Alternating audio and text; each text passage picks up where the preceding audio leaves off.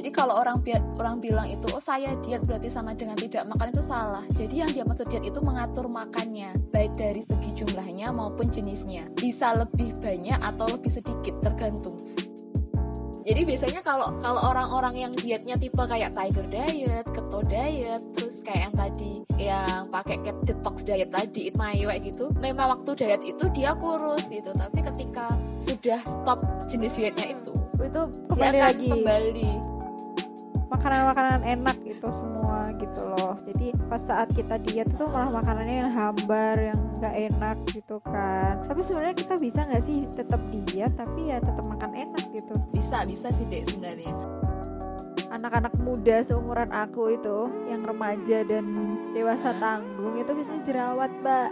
Aku kan juga oh iya benar-benar aku juga bermasalah dengan itu kan. Salah satunya dulu tuh juga aku kenapa bisa getting better? Itu juga karena diet Halo Mbak Deno, apa kabarnya nih? Alhamdulillah baik, Cikita.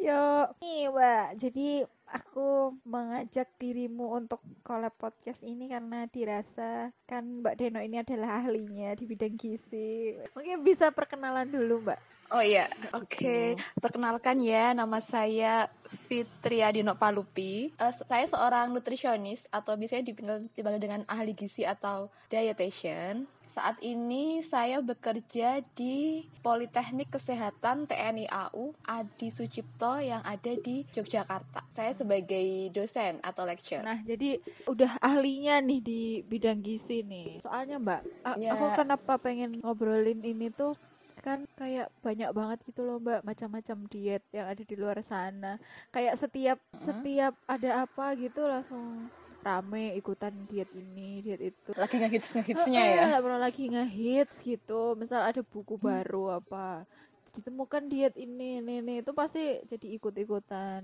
Nah tapi sebenarnya kalau dari si nutrisionis sendiri itu diet yang bener itu kayak gimana sih mbak? Kalau yang diet yang bener, maksudnya diet yang bener itu untuk untuk apa dulu gitu. Jadi kalau sebenarnya tuh pengertiannya diet sendiri itu sebenarnya itu artinya adalah pengaturan makan. Jadi diet itu mengatur makannya, bukan tidak makan. Jadi ngatur jumlah dan jenisnya. Jadi kalau orang orang bilang itu oh saya diet berarti sama dengan tidak makan itu salah. Jadi yang dia maksud diet itu mengatur makannya, baik dari segi jumlahnya maupun jenisnya. Bisa lebih banyak atau lebih sedikit tergantung. Jadi hmm. diet itu tidak hanya untuk bikin kurus atau bikin gemuk. Jadi tergantung tujuannya apa masing-masingnya gitu. Hmm, jadi kan biasanya ada yang kayak diet ketat. Itu tuh kan yang nggak makan sama sekali gitu mm -hmm. mbak? Uh, uh, berarti sebenarnya itu nggak sehat karena yang benar itu ya tetap makan sesuai dengan kebutuhannya masing-masing orangnya gitu. Mm -hmm. Malah kalau nggak makan nanti kan bahaya ya. Jadi yang ada malah nanti pingsan, kurang gizi, ini mas jadinya malah bukannya kursnya kurus cantik mm -hmm. tapi kursnya kurus sakit. Oh iya benar-benar.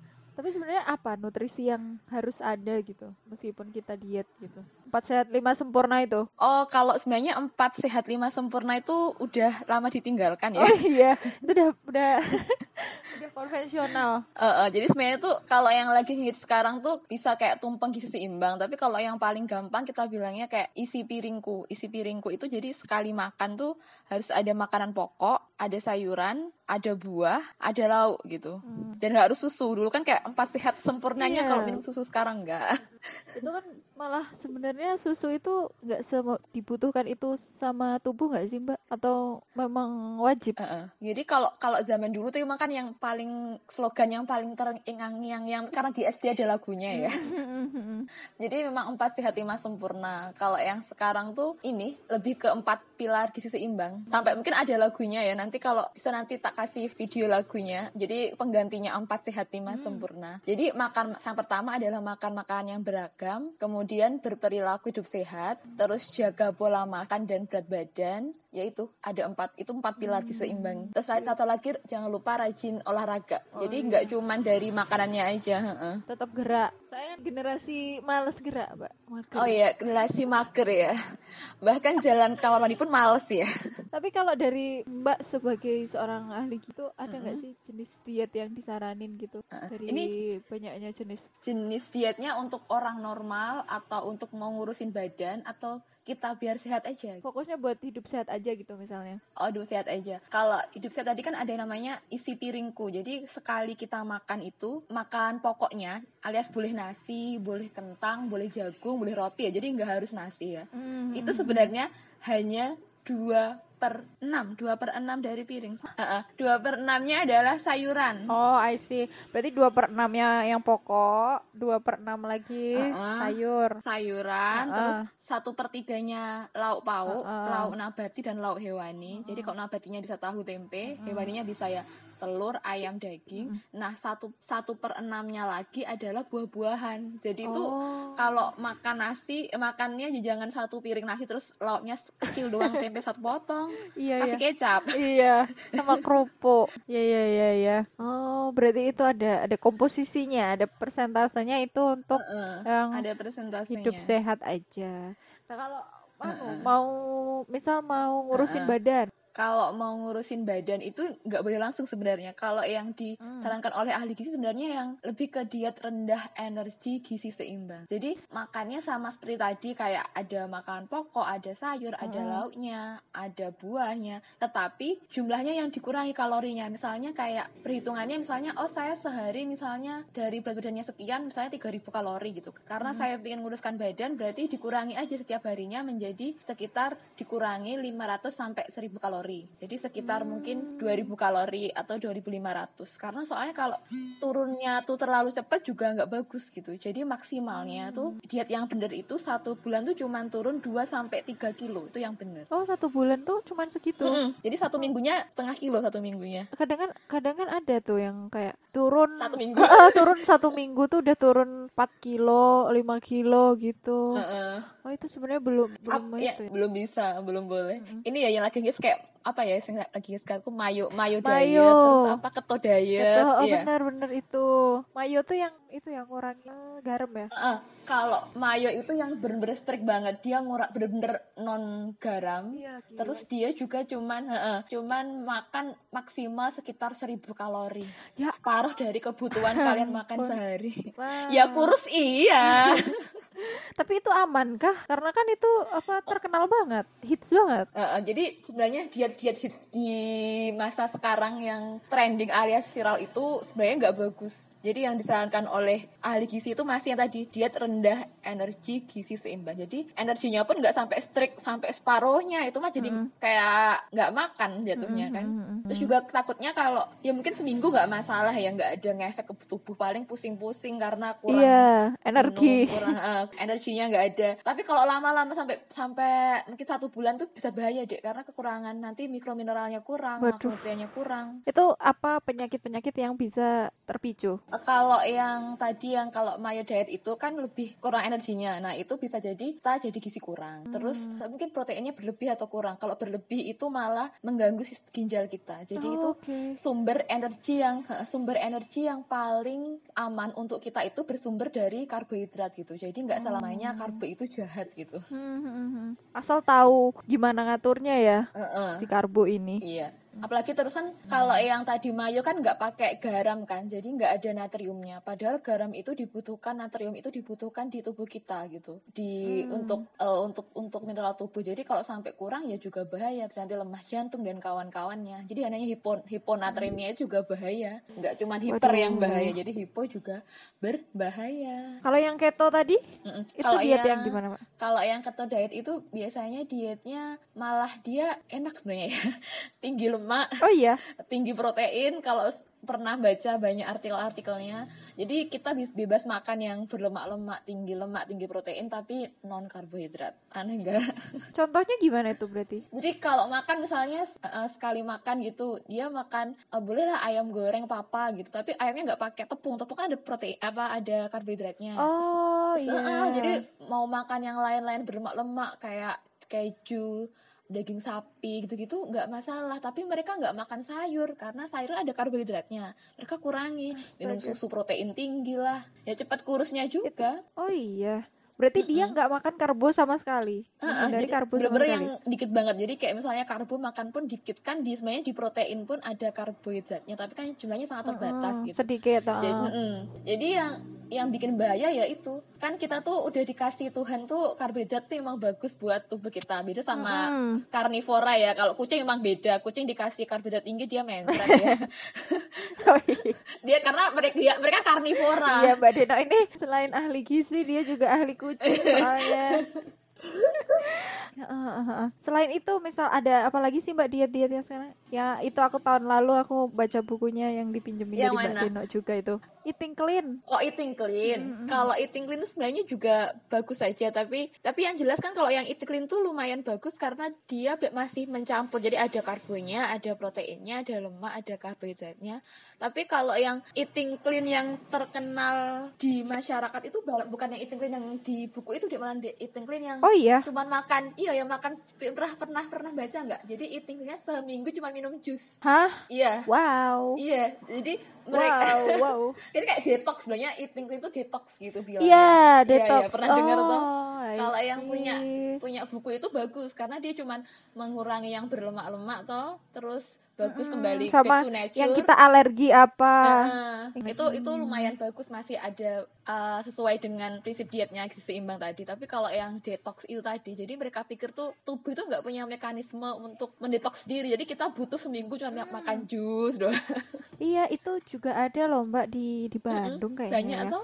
Itu tuh yang jualan kayak jus paket jus. Jadi uh -uh. ini jusnya diminum kapan kapan kapan Terus gitu, kayak campur-campur gitu nggak sih? Dia jusnya macam iya bener. Oh itu itu itu sebenarnya eating clean itu tadi yang berkembang yang vers, di masyarakat. Uh, yang versus yang salahnya. Oh, terus terus apa lagi diet-diet kalau yang dulu ya waktu masih zaman 2012 mungkin itu yang terkenal tuh namanya Tiger Diet. Nah gimana itu? Terus dia mirip sama keto diet cuman dia lebih ke protein. Jadi dia non karbohidrat tapi lebih ke non lemak juga. Dia makannya proteinnya tinggi. Jadi kayak tiger kan berarti kan macan ya? Oh iya. Jadi kayak macan. Jadi makannya daging terus daging dagingan gitu di apa kayak di stick dikukus ditumis gitu. Ya ampun cuma makan protein doang. Ya iya kan tiger jadi kayak macan tapi sebenarnya tiger kan juga nggak nggak langsing mbak. Oh iya iya. Tapi dia kuat oke.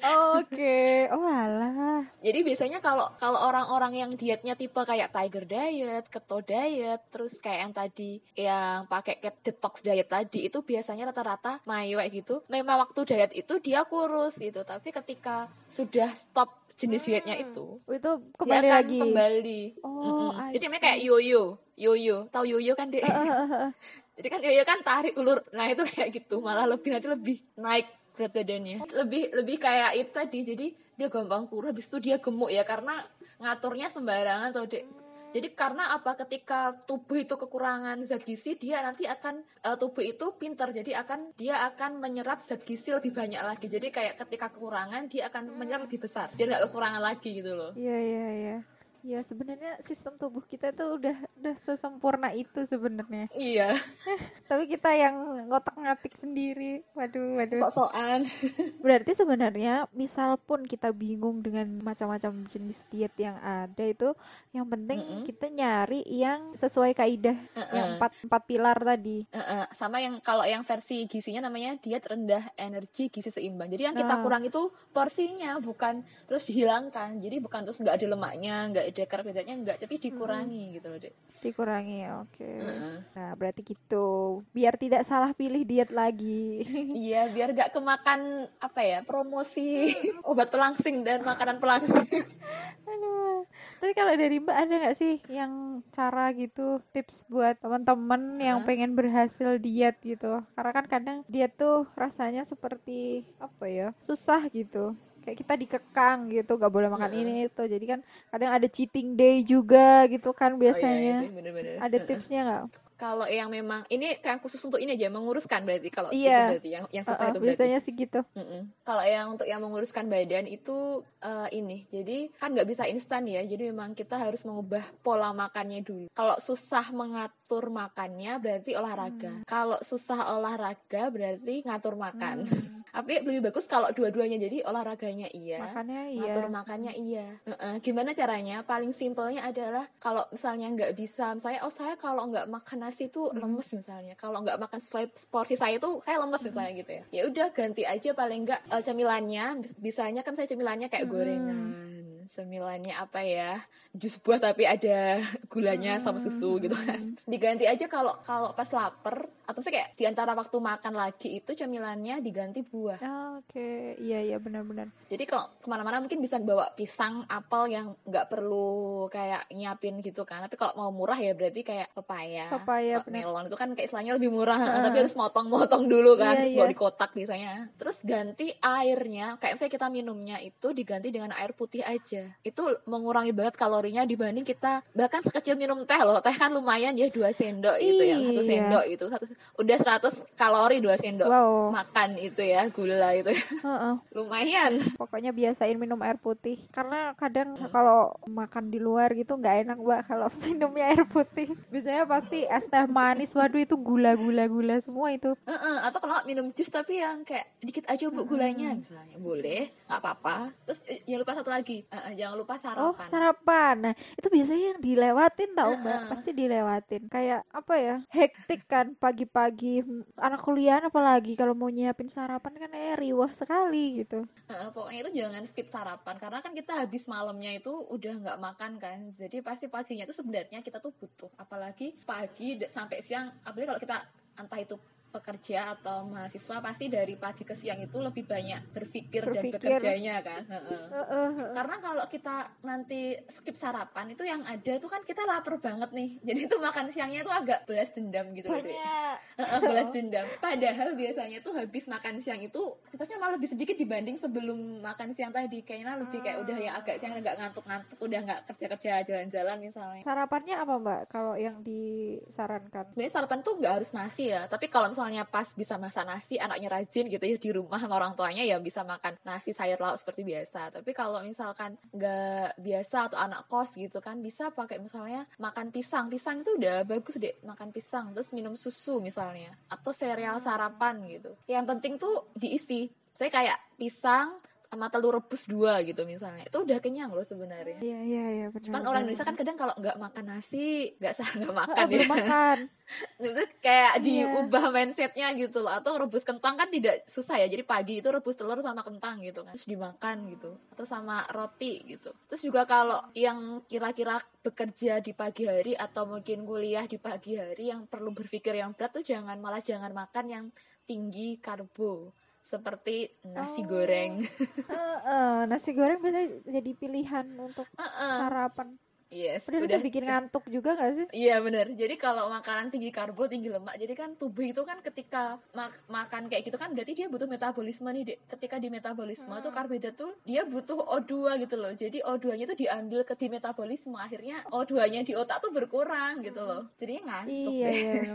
di apa dibagi O2-nya buat otak sama O2-nya buat metabolismenya si karbohidrat uh -uh. tadi. Tapi kadang tuh Mbak kalau anak kos uh -uh. itu tuh makannya itu seringnya dirapel, Mbak jadi kayak makan ya udah sehari tuh makannya satu kali gitu misalnya. Atau makannya ini. Terus tapi langsung banyak.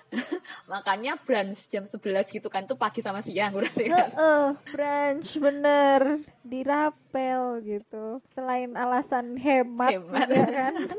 Itu kadang memang untuk apa ya misal anak kos terus menjalani diet itu memang agak susah sih mm -hmm. karena kan waktunya kan juga lumayan ya. eh, nggak uh, bisa nyiapin sendiri sen apa untuk keperluan dietnya gitu-gitu uh -uh. kan kayaknya ribet gitu. Makanya itu paling gampang tuh aku saranin kayak beli buah. Karena kan buah kan nggak perlu nyimpan di kulkas. Jadi kayak pisang gitu kan nggak di kulkas. Hmm. kayak buah-buah yang murah lah kalau misalnya yang mahal. Emang gitu kayak apel mungkin agak mahal kan. Ya udah jeruk pisang hmm. yang dia juga tahan agak lama kan di suhu ruang. Kayak teman kalau misalnya melon kan ya rusak ya. Jadi ya paling gampang tuh pisang. Jadi hmm. pisang tuh udah bawanya gampang nyimpennya gampang. Iya sih. Salah salah itu bisa gak sih? Oh salak bisa. Cuman kan karena musiman ya jadi oh, iya. nanti kalau pas nggak musim nyarinya susah. Gak susah ya benar-benar. Pokoknya yang buah-buah semua buah tuh bisa ya yang penting mas mus, musimnya duren misalnya ya jangan duren juga gitu ya. musimnya yang paling paling gampang itu misalnya musim mangga ya udah nggak perlu beli mangga gitu kan cuman kan harus kayak ngupas gitu udah kan males ya anak yeah. ya oke oke udah itu paling gampang tuh bener pisang enak juga uh -uh. dibawa ke mana-mana kalau suka oh iya tadi kan juga sempat ngomongin soal diet bisa untuk menguruskan dan juga menambahkan berat emang ada ya mbak diet untuk uh -uh. menambahkan berat badan gitu? Ada jadi diet itu tergantung tergantung tujuannya. Bahkan ada misalnya diet untuk menyembuhkan uh, penyakit diare atau gizi buruk gitu. Jadi tergantung tergantung uh, ini tergantung apa manfaatnya. Jadi ada yang saya diet untuk penyakit jantung diabetes oh, iya, iya. Jadi memang diet, diet itu kan mengatur makan. Jadi bukan masalah berkurang makanannya. Jadi kalau kalau orang bilangnya kan mesti diet itu berarti tidak makan atau mengurangi makan gitu kan. Jadi nggak nggak mesti itu gitu. Jadi kalau untuk yang pingin gemuk ya kalau tadi yang pingin kurus kan kita turunkan sekitar 500, 500 sampai 1000 kalori gitu kan.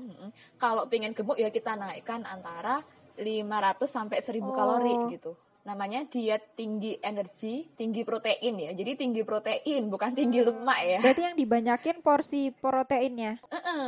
Iya, jadi kalau mau gemuk itu ya bukan berarti terus oh makannya apa pun itu yang berlemak-lemak malah jadinya iya gemuknya gemuk tapi nggak sehat karena lebih lemaknya yang nambah masa lemaknya bukan masa ototnya yang nambah. Berarti secara presentase tuh sama ya 500 sampai 1000 cuman itu berarti ditambah gitu kalau nambah berat badan. Dinaikkan. Uh -uh. Okay. Jadi kayak misalnya gini kalau sebelumnya kita makan satu porsi tadi yang sesuai tadi yang kayak 3 per 6 hmm. uh, 2 per 6 nya nasi, hmm. 2 per 6 nya sayur tadi, saya seporsinya biasanya totalnya itu 200 gram antara nasi dan teman-temannya. Terus kita pingin naikin ya udah tinggal nambah jadi 250 gram dengan proporsinya tetap mau nasinya, proteinnya itu tetap jadi bukan terus yang ditambahin lauknya aja gitu jangan. Jadi semuanya tetap ditambahkan semua zat gizinya itu gitu.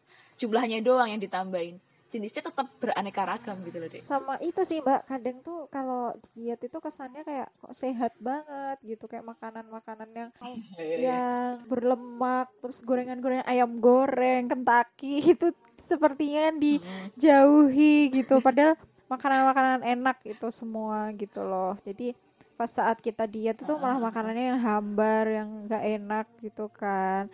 Nah tapi sebenarnya kita bisa nggak sih tetap diet tapi ya tetap makan enak gitu? Bisa bisa sih dek sebenarnya. Jadi yang penting itu sebenarnya bukan masalah berlemak-lemaknya atau gorengannya tuh boleh. Yang penting dihitung. Misalnya oh dalam sehari itu saya saya saya butuhnya sekitar 30 gram lemak gitu. Jadi kalau saya pagi udah makan gorengan berarti siang nggak boleh nih nanti kelebihan lemaknya gitu. Jadi kalau uh, uh, di, di penting tuh hitungannya. Mau misalnya mau pagi pizza gitu ya nggak masalah. Tapi siang sorenya ya jangan terus pagi pizza, siang KFC, sore McD gitu kan ya. Aduh, tinggi lemak itu. Minumnya soda gembira gitu ya. Uh. Jadi kalau kayak kalau pingin boleh makan yang udah berlemak pagi ya siangnya oh berarti agak yang tumis-tumisan aja lah banyakin sayurnya gitu. Oh itu ngitungnya berarti pakai aplikasi itu mbak udah ada kok di, kayaknya di, di beberapa aplikasi di Play Store kayaknya hmm. untuk menghitung kalori. Ya, aku dulu itu kuliah pernah loh mbak kayak gitu. Jadi ngitungin yeah. banget, nginputin kan biasanya misal ma uh -uh. makan apa gitu nanti langsung ada oh kalorinya itu kira-kira sekitar segini gitu. Uh -uh. Itu udah banyak aplikasinya. Jadi pakainya bukan gram tapi rumah ukuran rumah tangga jadi kayak telur satu butir nanti Iya, yeah, benar. Ininya, uh -uh. oh, ya kan? Okay. Itu berarti bisa membantu ya aplikasi itu. Uh -uh, membantu kayak misalnya oh ternyata sore ini cuma kurang 100 kalori makan apa nih 100 kalori di sini Oke oke oke oke. Tapi sebenarnya lebih gampang kalau kita pakai itu ya, hire uh, ahli gizi buat diaturin. Uh, uh, jadi uh, memang kalau memang paling bagus itu biasanya kalau kita di fitness center tuh biasanya ada ahli gizinya, ada hmm. yang trainernya. Uh, jadi olahraganya itu dari olah Trainer. olahraga gitu, eh, uh, uh, trainernya yang es lainnya itu ada ahli gizi untuk ngatur makannya gitu kan. Cuma kadang kan nggak semua orang bisa membayar. Iya. Mereka, itu rate-nya gitu. berapa sih biasanya? Aku belum pernah cek harganya untuk ikut Harga. program itu. Terga, terga, tergantung kayak memang tempatnya ya, maksudnya tergantung uh, mahal atau tidak itu tergantung tempatnya dan kotanya gitu. Setahu saya itu lumayan kok dek kalau nggak salah tuh antara 500 sampai satu juta kalau nggak salah. per bulan. Uh, uh, per bulannya. Wow. Mungkin lebih mahal lagi kalau dia tambah kayak makannya itu dikirim sama ahli gizi. Jadi ahli gizi nah, ngasih ya makannya. Uh, kayak dietnya Jadi, tapi udah dihitung per individunya. Ya? Iya, itu setahu saya tuh sekali makan itu bisa dua puluh lima ribu. Maksudnya untuk oh. untuk makan yang dihitung ahli gizi yang personal banget gitu lumayan juga jadi sih. sudah nah, itu itu ada di jadi ada yang kayak gitu trainer sama ahli gizi di satu di satu fitness center atau bahkan ada namanya kayak catering diet nah iya benar mm -mm, catering diet tapi nggak cuman buat itu jadi semuanya saya orang kena diabetes orang jan penyakit jantung hmm. itu setahu saya itu ya itu makan sehari itu kalau nggak salah bayarnya itu sekitar 150 nggak tahu sekarang kalau udah naik udah turun ya. Ter, itu benar-benar makan pagi siang tuh dan diantar deh diantar ke rumahnya. Sama snacknya juga deh tiga kali makan dua kali snack sekitar segitu loh deh berarti lumayan ya buka bisnis itu mbak. Oh sangat sangat. Eh tapi juga biasanya biasanya juga makannya juga terkontrol dengan baik rasanya. Jadi meskipun dia sehat tapi rasanya tidak hambar. Itu yang dicari kan biasanya. Itu yang dicari kan ilmu kulinerinya Aljis itu main okay, di situ. iya iya iya iya. Wah aku jadi makin penasaran soal diet diet ini. Cuman mungkin kita lebih bahasnya lebih spesifik karena kan penyakit kan ada banyak tuh tadi kayak diet diet untuk apa jantung diet untuk apa penyakit penyakit apa gitu. Uh, nah kalau yang biasanya dialamin sama anak-anak muda seumuran aku itu yang remaja dan dewasa uh. tanggung itu biasanya jerawat mbak aku kan juga oh iya benar-benar aku juga bermasalah dengan itu kan. Nah itu salah satunya dulu itu juga aku kenapa bisa getting better itu juga karena diet. Kalau biasanya kita kalau untuk jerawat itu kan sebenarnya jadi tidak terlalu rumit ya. Jadi biasanya kita sarankan untuk kayak mengurangi karbo gitu. Jadi rendah karbohidrat gitu. Pokoknya dietnya yang rendah karbo. Mm -mm. tapi tinggi lemak. Tapi lemaknya bukan lemak yang yang tadi kita bilang yang lemak di gorengan dan teman-temannya dan di kalau aku malah ini curiganya bukan karena ayam ayamnya tapi perlakuan ayamnya alias itu ayamnya ayam kayak ayam apa ya ayam potong gitu iya iya iya. Ayam potong uh, aku cepet banget itu. Itu kan disuntik namanya growth hormone deh. Jadi hormon pertumbuhan gitu. Nah itu itu. Nah itu tuh yang bikin jerawat. Karena sebenarnya kalau aku dulu itu pernah nyobanya karena udah stres banget dengan jerawat itu tuh aku nyari-nyari mbak di Pinterest mm -hmm. uh, namanya elimination diet itu kalau di di gizi ada nggak sih? Uh -uh. Sebenarnya itu eliminasi diet itu malah untuk tes alergi sebenarnya deh.